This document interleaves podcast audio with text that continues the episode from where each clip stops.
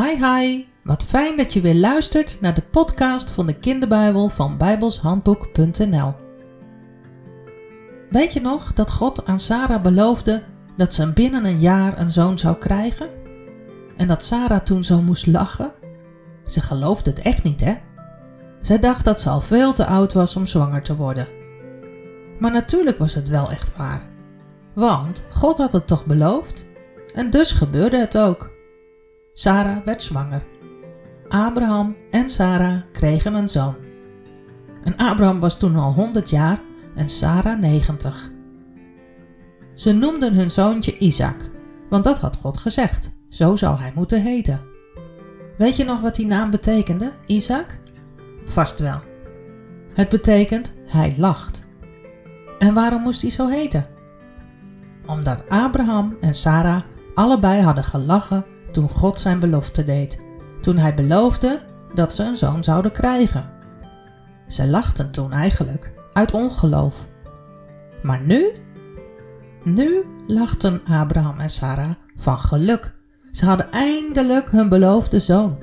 En dat terwijl ze al zo oud waren. Wat geweldig, hè? Ze waren zo blij.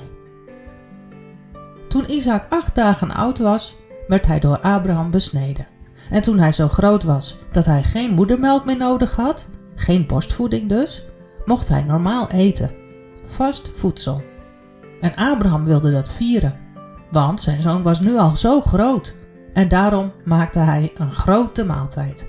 Het was feest en iedereen was blij. Vooral Abraham en Sarah natuurlijk. Heel, heel erg blij. Maar twee mensen op het feest waren niet zo blij. Dat waren Hagar en Ismaël. Zij waren helemaal niet blij met Isaac. Ze waren jaloers. Jaloers omdat Isaac nu alle aandacht kreeg. En hij zou later ook de erfenis krijgen. Hagar vond dat niet eerlijk. Want Ismaël was ook een zoon van Abraham, hè? En hij was er eerder dan Isaac. Maar zoals het heel vaak gaat in de Bijbel, ging het nu ook. De tweede zoon ging voor de eerste. God had zijn verbond met Isaac gesloten en niet met Ismaël. Ismaël was al een grote jonge man geworden en op het feest voor Isaac deed hij heel erg flauw. En Isaac werd steeds door hem uitgelachen. Sarah was daar een beetje boos over. Nou, eigenlijk niet eens een beetje, erg boos. Ze zei tegen Abraham: Stuur die slavin Hagar weg met haar zoon. Ik wil niet dat mijn zoon Isaac later de erfenis moet delen met dat kind van haar, die Ismaël. Dat mag niet gebeuren. Abraham werd daar niet blij van, want Ismaël was toch ook zijn zoon? Die kon hij toch niet zomaar wegsturen? Maar God zei: Maak je geen zorgen over Ismaël. Je moet doen wat Sarah zegt. Alleen de kinderen van Isaac zijn later jouw familie, jouw echte nakomelingen. Maar omdat Ismaël ook een zoon is van jou, zal ik ervoor zorgen dat er later ook een volk van Ismaël zal zijn. Abraham was nog steeds niet vrolijk, maar hij deed natuurlijk wel wat God had gezegd. Hij stuurde Hagar en Ismaël de volgende dag weg. En hij gaf ze brood en water mee.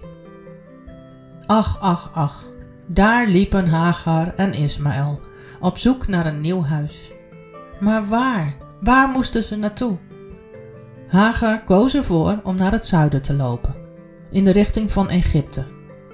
Maar de weg was zo lang en de woestijn is zo groot. De zon brandde op hun hoofd en het was een hele zware tocht. Ze namen steeds kleine slokjes water uit de waterzak die Abraham had meegegeven, tot het op was. Oh, oh, oh. Ze liepen nog steeds in de woestijn en ze waren verdwaald en ze hadden geen water meer. En er was ook nergens een put te vinden. Dat was natuurlijk niet lang vol te houden. Hagar keek naar Ismaël. Hij hield het ook echt niet meer vol.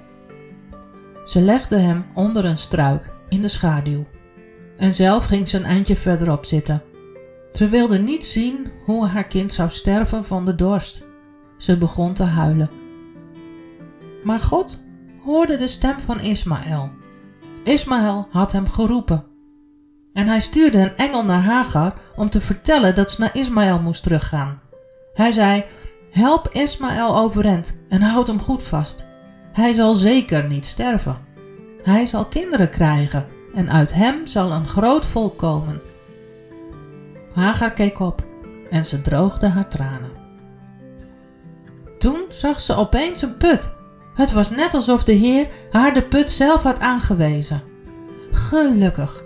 Ze liep zo snel als ze kon naar de put om de waterzak te vullen en toen rende ze naar haar zoon en ze riep: Ismaël, kijk, ik heb water gevonden. Ze hielp Ismaël overeind en gaf hem te drinken. En daar werd hij snel weer een stuk fitter van. Gelukkig. Toen Ismaël genoeg had gedronken, nam Hagar zelf ook. Ze had ook zoveel dorst. En daarna vulde ze de waterzak nog een keertje bij de put. Zo, nou konden ze weer verder gelukkig. Ze hadden het overleefd. Ze gingen uiteindelijk wonen in de woestijn van Paran en Ismaël werd jager. Hagar koos voor hem een Egyptische vrouw uit om mee te trouwen. En het ging goed met Ismaël. Daar zorgde God natuurlijk wel voor, want dat had hij beloofd. En de volgende keer is er weer een nieuw verhaal. Luister je dan ook weer? Tot dan! Hi hi!